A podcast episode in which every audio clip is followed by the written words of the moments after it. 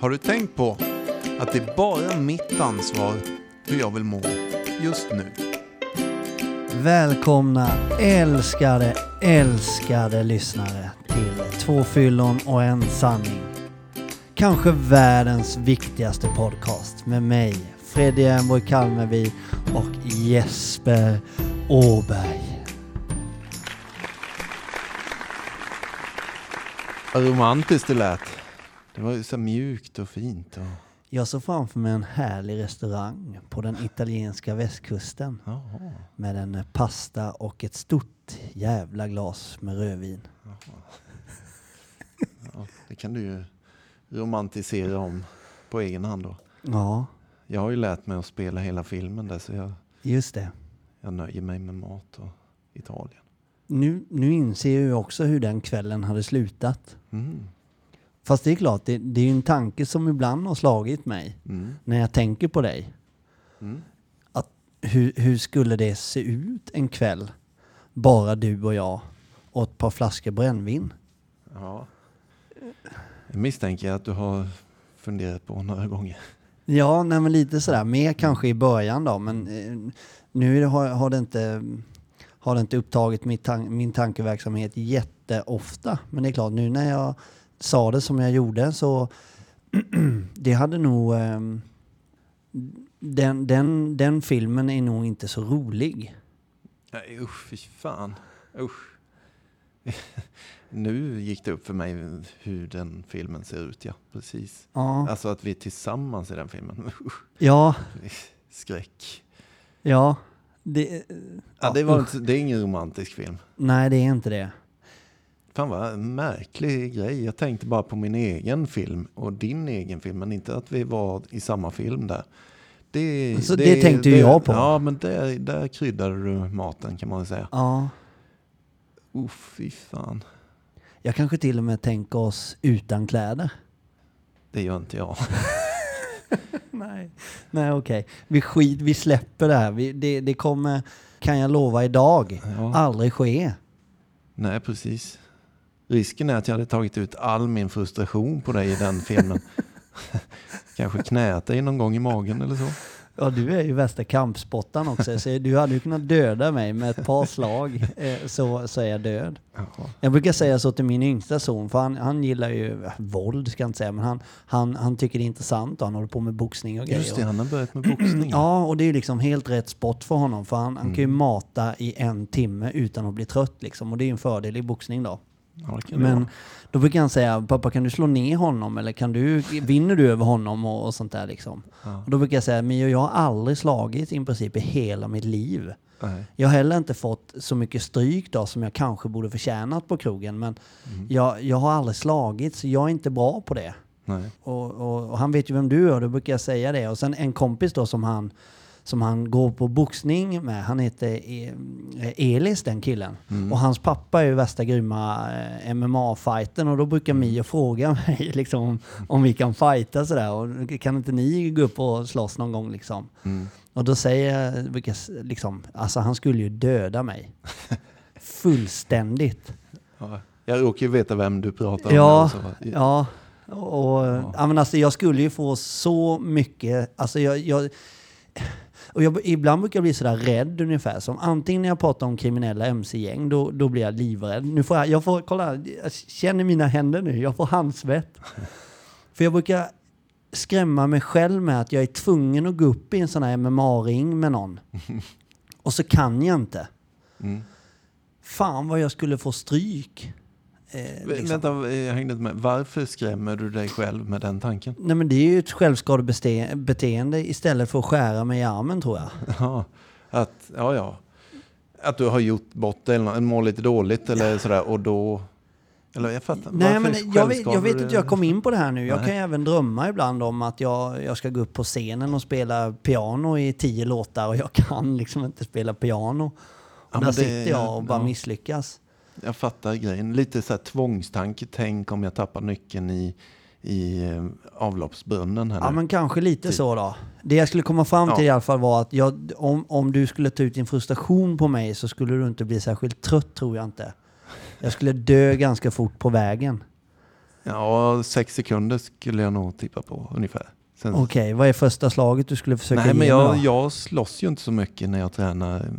Nej. Nu har jag för övrigt inte tränat på över ett år på grund av corona och eh, barn som föds och sådär. Så jag har Ja. varit hemma ganska mycket från träning nu. Ja, Men eh, eh, brasiliansk jujutsu, okej. jiu-jitsu. Ja, och det, det är mer grepp då eller? Att du skulle krama Ja, precis. Eh, söva dig sådär. mig? Som en anakonda? Ungefär på, ja, det finns ett grepp som heter anakonda. Ja, men jag just. kan tänka mig det. ja, så att, eh, Och sen Nej. sväljer du min gängliga kropp hel ja. och njuter av mina härliga kroppsvätskor. Jag tänkte faktiskt sen för er lyssnare nu då som kanske några av er kanske är lite nyfikna på den där delen då. Eh, men vi ska livesända en sån fight mellan dig och mig är tanken sen. Mm, det har vi faktiskt bestämt att vi ska göra ju. Ja, så det, det blir härligt. Så till dess kära lyssnare så ligger Freddy Ambo i i hårdträning nu med. Och Mm. jag tränas ju av självaste Tommy Elmgren. Just som det. ska lära mig allt om grepp. Den farligaste fighten vi har här i krokarna. Ja, det är nog den sista jag skulle vara ovän med. Tommy då, som är vår producent och tekniker och allt sånt där, som, som gör den här podden möjlig. Som är en fantastiskt fin människa. Men Frågan det- är om du skulle kunna döda både mig och Tommy då? Eh, tar, det, tar det dubbla tiden då? Om vi anfaller från två olika håll, jag och Tommy. Mm. Tommy kommer i full fart likt en eh, arg eh, grizzlybjörn i trikå. St- Alltså jag ser ju Tommy i en sån här borat stringdräkt springer mot dig. Mm. Jag kommer mer i en, eh, en, en, en, en bikini med badshorts. Mm. Vem tar du först? Ja, När du målar upp bilderna sådär så för det första då skulle jag vilja göra det. det är ju en ganska obehaglig bild jag ser framför mig. Eh, men eh, samtidigt då jättegärna få se er somna in tillsammans bredvid varandra i stringbikini och allt det där. Och björnen som ligger där och sveper om dig. Let's do it. Ah, Okej, Vi jag antar utmaningen. Vi ska fightas och vi ska filma. Mm. Eller så gör vi det då, jag tänkte på det, vad, hur, nu blir det sidospår här. Hur många avsnitt har vi släppt nu? Jag vet inte, kanske 32? 32, 33? Fan, jag tycker det tar lång tid.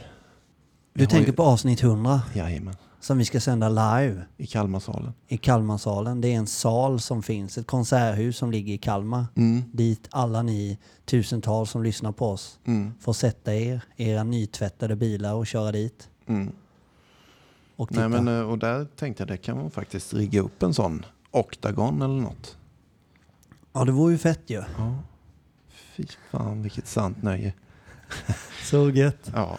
Nej, om vi ska sluta och, och vara så här grabbiga nu och Ja, det kanske vi var.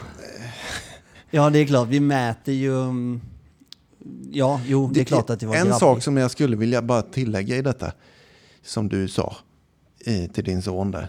Jag har aldrig slagit, så jag tycker inte om sånt. Samma här säger jag. Jag har aldrig hållit på med sånt. Jo, jag har hamnat i bråk och så på krogen och sånt där. Men jag har alltid varit livrädd för det, avskytt det och eh, usch, ingen rolig grej att vara med om. Att göra det, göra det i en träningslokal eller gå en match, eh, det har jag inte heller gjort jättemycket. Fast det är ju en sport. Ja. Det måste man ju ändå respektera. Det är ju, en, det ja, är men det, deras det, är ju en helt annan grej. Ja, alltså. det är verkligen, ju herregud. bland det roligaste jag vet. Ja, Men, det är ju skitunderhållande. ja. Liksom, det är ju värsta atleter. De på toppnivå är ju, det är ju, det är ju elitidrottsmän och kvinnor som utövar en sport. Det är ju Mm. superimponerande. Ja men du Anna, Jeppe, vet du vad jag kände för idag? Nej. Jag bara liksom, när jag körde, när jag körde hit till studion idag Mm. så bara kände jag hur, hur privilegierad jag är. Mhm. Att jag får göra det här med er. Mm. Och att jag var på väg hit och få träffa liksom alla människor som jobbar med det här och att, att jag får förmånen att prata om den här sjukdomen som jag själv har lidit av i mer Mm. eller mindre hela mitt vuxna liv och fått tillfriskna ifrån. Och jag bara fick en sån där tack. Mm. Nej, men jag känner igen känslan. Och vad jag ogillar när vi pratar så här, du är två år på din väg och jag är 16 år på min väg. Jag menar inte att jämföra. Men den tanken har inte slutat hos mig efter 16 år. Det var det jag ville säga. Den kommer och kommer Det är och helt kommer. fantastiskt. Ja, det är verkligen det. För det, det är så man känner ibland, eller jag, jag känner Mm. ibland, man, jag känner att fan det här kanske tar slut någon gång. Det här, det här härliga, det du har lovat mig och det, det, det Mm. du och de andra som har gått många fler år nyktra än mig, att det här tar slut någon gång och snart är jag tillbaka till mitt gamla för nu har jag gjort det här. Men så säger du nu då att den här känslan kommer ibland. Och, Mm. och Mm. Du sa till mig i början att det finaste liksom man kan göra för sin egen nykterhet, eller det bästa, det är att börja sponsra någon kanske och hjälpa någon annan som behöver Mm. hjälp och, Mm. och liksom leda inom tolvstegs... Eh, Det är det finaste ja, som finns. och, och ehm, jag har ju börjat prata lite med en kille nu. Jag är inte hans sponsor och sådär än och så här, vi har inte snackat om det, men vi snackar lite i telefon och sådär. Mm. Och jag ryser ju hela tiden när grabbfan pratar. Mm. För jag känner igen mig i allting han säger. Jag kan säga att jag har också varit där. Jag har också gjort det där. Jag har också tänkt de där tankarna. Och, och så jag behöver bara liksom säga, ja jag ryser som fan.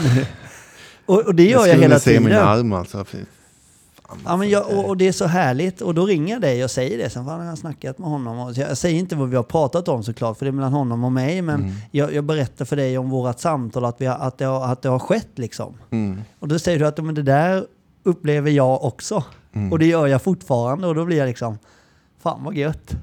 Ja, jag sa ju till och med, vill jag minnas, den, den känslan du beskriver nu, det är precis samma känsla som startade igång hela den här tolvstegsrörelsen en gång i tiden på back in the days. Ja, ja, just det. Exakta datumet har jag inte i huvudet, 1930 någonstans. När Bill Wilson träffar Dr. Bob. Nu ryser jag. Mm. Alltså detta är då de två första medlemmarna i Anonyma Alkoholister. Mm. Och eh, den eh, historien börjar med att Bill är ungefär sju månader nykter. Folk får rätta mig som vanligt om jag säger fel här nu. Det kommer de göra Jeppe. Jajamän, Ja. varsågoda. Eh, nej men han eh, är ju börsmäklare. Mm. Jävligt duktig sådan. Han är också alkis. Har hållit sig nykter nu då i sju månader. Och hotellbaren lock- lockade han är i en främmande stad och allt möjligt sådär. Och på den tiden så fanns det ju ingen hjälp för det här. Alltså det man gjorde var att gå till kyrkan Mm. och bad till Gud att snälla hjälp mig. Mm. Ungefär så. Eller präster och sådär. Och så var det massa medberoende där förmodligen som tog hand om någon. Ja, precis. Och bara, ja men du får sova här Ja. i natt och det. Och så får du en macka. Ja. Ja, och det funkade ju aldrig såklart. Utan det funkade för stunden. Men den här gången så han, han hade ju testat. Nu kommer jag bli långrandig här. Men det här är viktigt. Han hade testat tillsammans med sin fru. Som hjälpte till. Att eh, han hade en idé om jag hjälper massa andra och sådär. Och då tog de in folk i sitt hem. Gav dem mat och lite sådär eh, husrum över natten. Vet jag inte om de gjorde. Men han märkte att eh, jag håller mig nykter på detta i alla fall. Mm. Men de, de blev aldrig nyktra. De gick ut och söp igen. Mm. Och det var ju frustrerande då. Och, och det var han noga med att säga då till sin fru Louise.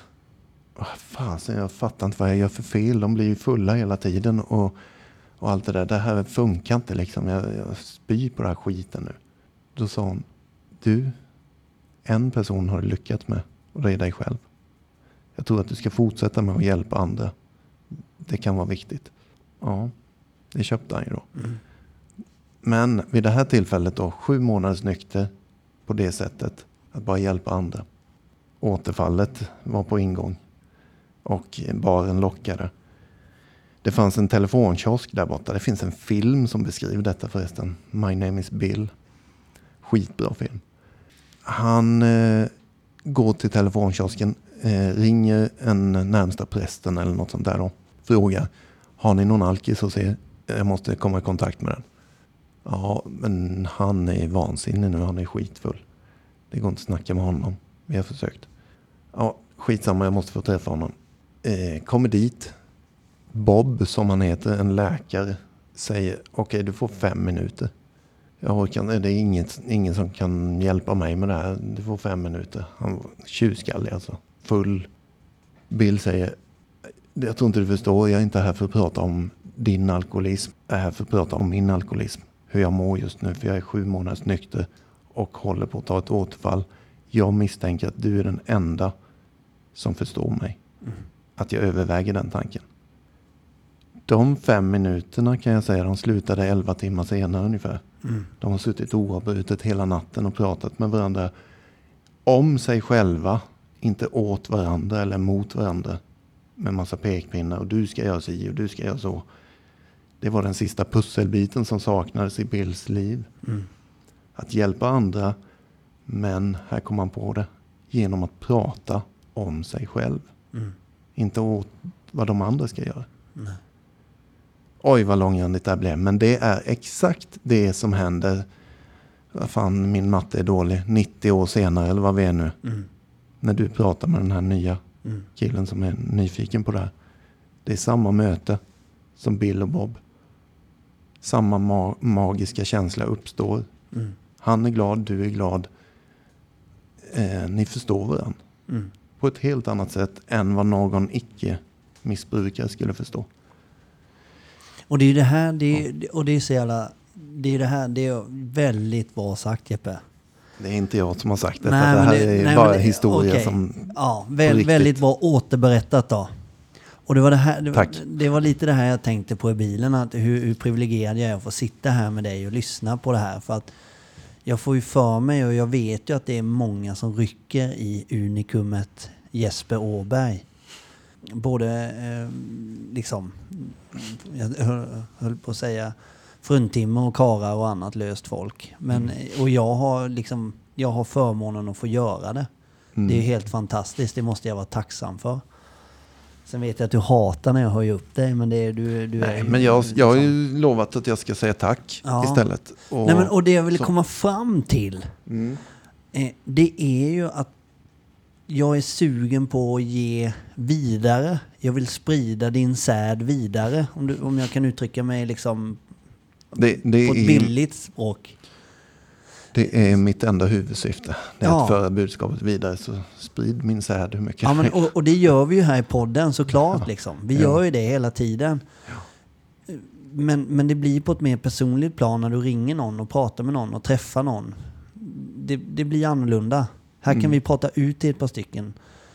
Mm. Men ja, ja du förstår vad jag menar.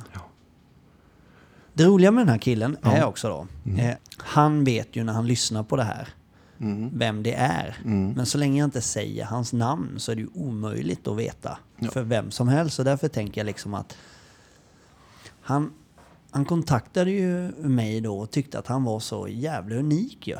Mm. Och redan här ryser jag, för det kände ju jag också. Samma här. Jag är så unik liksom. Ja. Och det hade jag känt hela livet liksom. Fan, jag är unik. Vad är det, vad är det med mig liksom? Jag är inte som någon annan. Och det har ju fått käftfmäll under de här två åren. Att jag, jag är ju inte alls det. Jag delar tankemönster med så många andra. Mm. Och det mm. bara, det bara slår mig med stenhårda höger och vänsterkrokar varje gång jag träffar någon som har samma sjukdom som jag. Då. Mm. Men han sökte ju då liksom, för jag måste få en förklaring till varför jag känner och tänker och agerar på vissa sätt. För jag är ju inte alkoholist, det är jag inte. Mm. Men jag måste få reda på vad det är. Mm. Vad, är det för fel, vad är det för jävla fel på mig? Mm. Så satt vi ju där och snackade och sådär. Och sen så börjar stenen landa in att ju mer jag hör på personen, ju mm. mer känner jag igen mig själv och då är det ganska lätt att tänka att ja, men jag är ju en alkoholist. Mm. Jag är en nykter alkoholist. Mm. Det var det jag led av. Mm. Som jag nu har liksom jobbat med hela tiden för att råda bot på. Mm. Och han känner också igen sig i det. Mm. Så att det blir liksom, ja men du lider av alkoholism kompis. Det, är liksom, det är inget fel med det. Men det är det du, det är det du lider av. Ja. Och det finns ett jävligt skönt recept för det. Det finns en behandling för det. Så att du slipper allt det här. Och det var, det var så skönt liksom att... Mm. För jag tror många där hemma sitter och finular på att men nej, jag, eller är jag det eller är jag inte det? Det är mm. nog något annat som är fel på mig och sådär.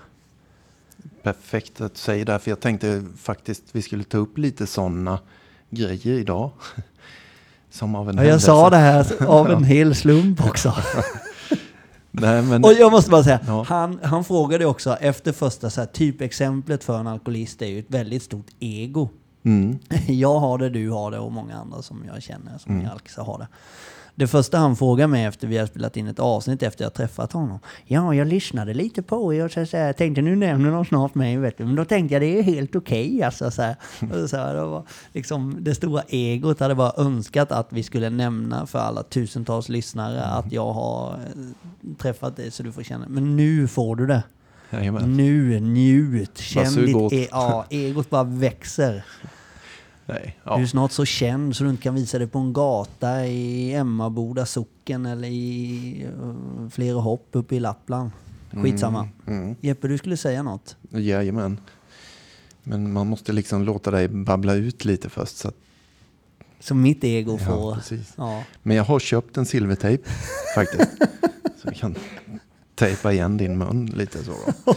Men ehm, mun, käft heter det i den här podden. Heter det käft. Ja, det gör det faktiskt. Ja.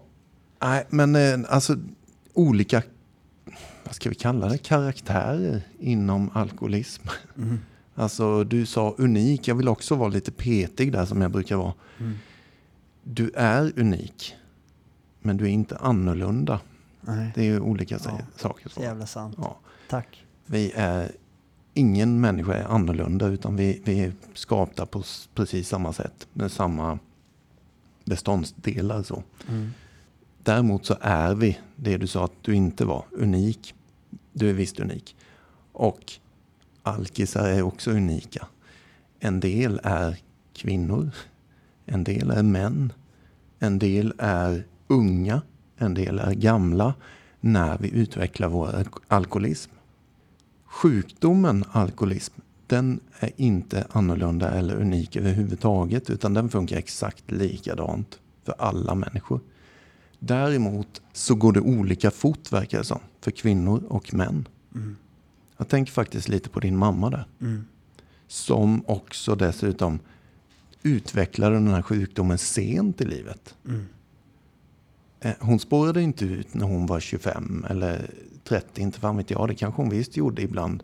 Men inte något beroendemönster i det. Nej, för det tänkte jag på. För det var ju en jävla massa. Responsen efter det avsnittet var Mm. ju liksom hundratals kommentarer och mejl och sms och allting.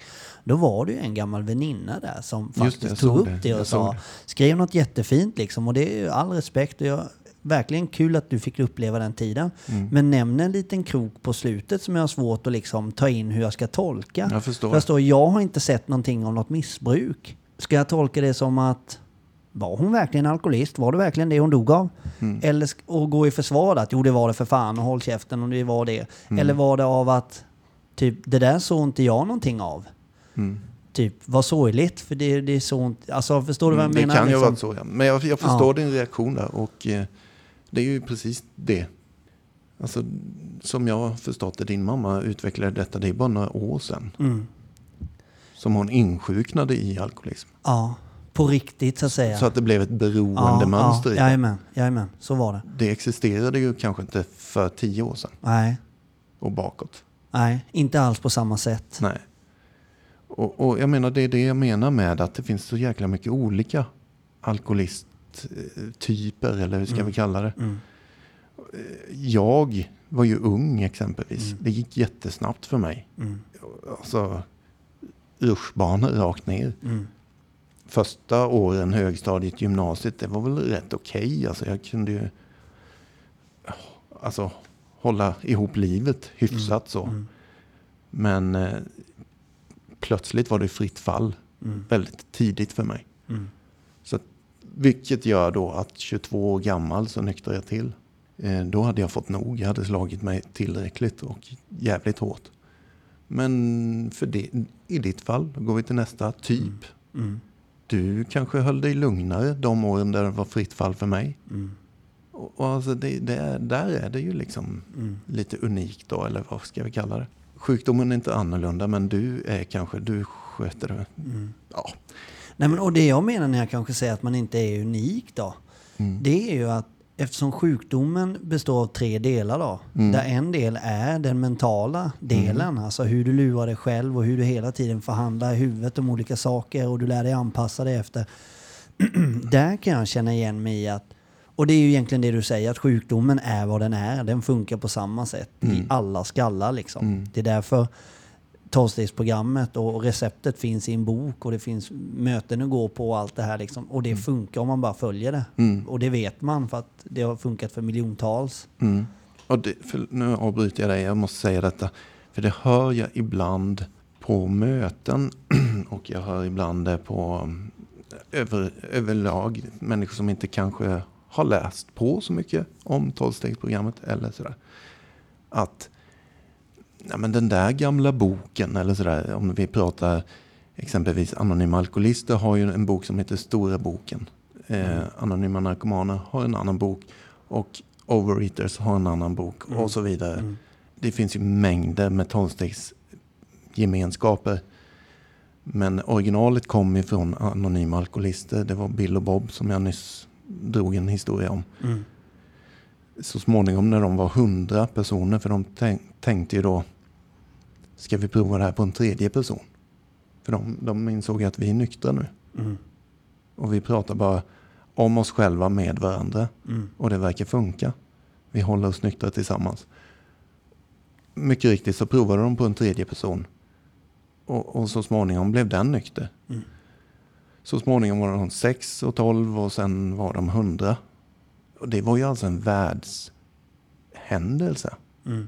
i alkoholismens historia. Det har ju aldrig någonsin hänt innan dess. Att alkoholister blev nyktra varaktigt.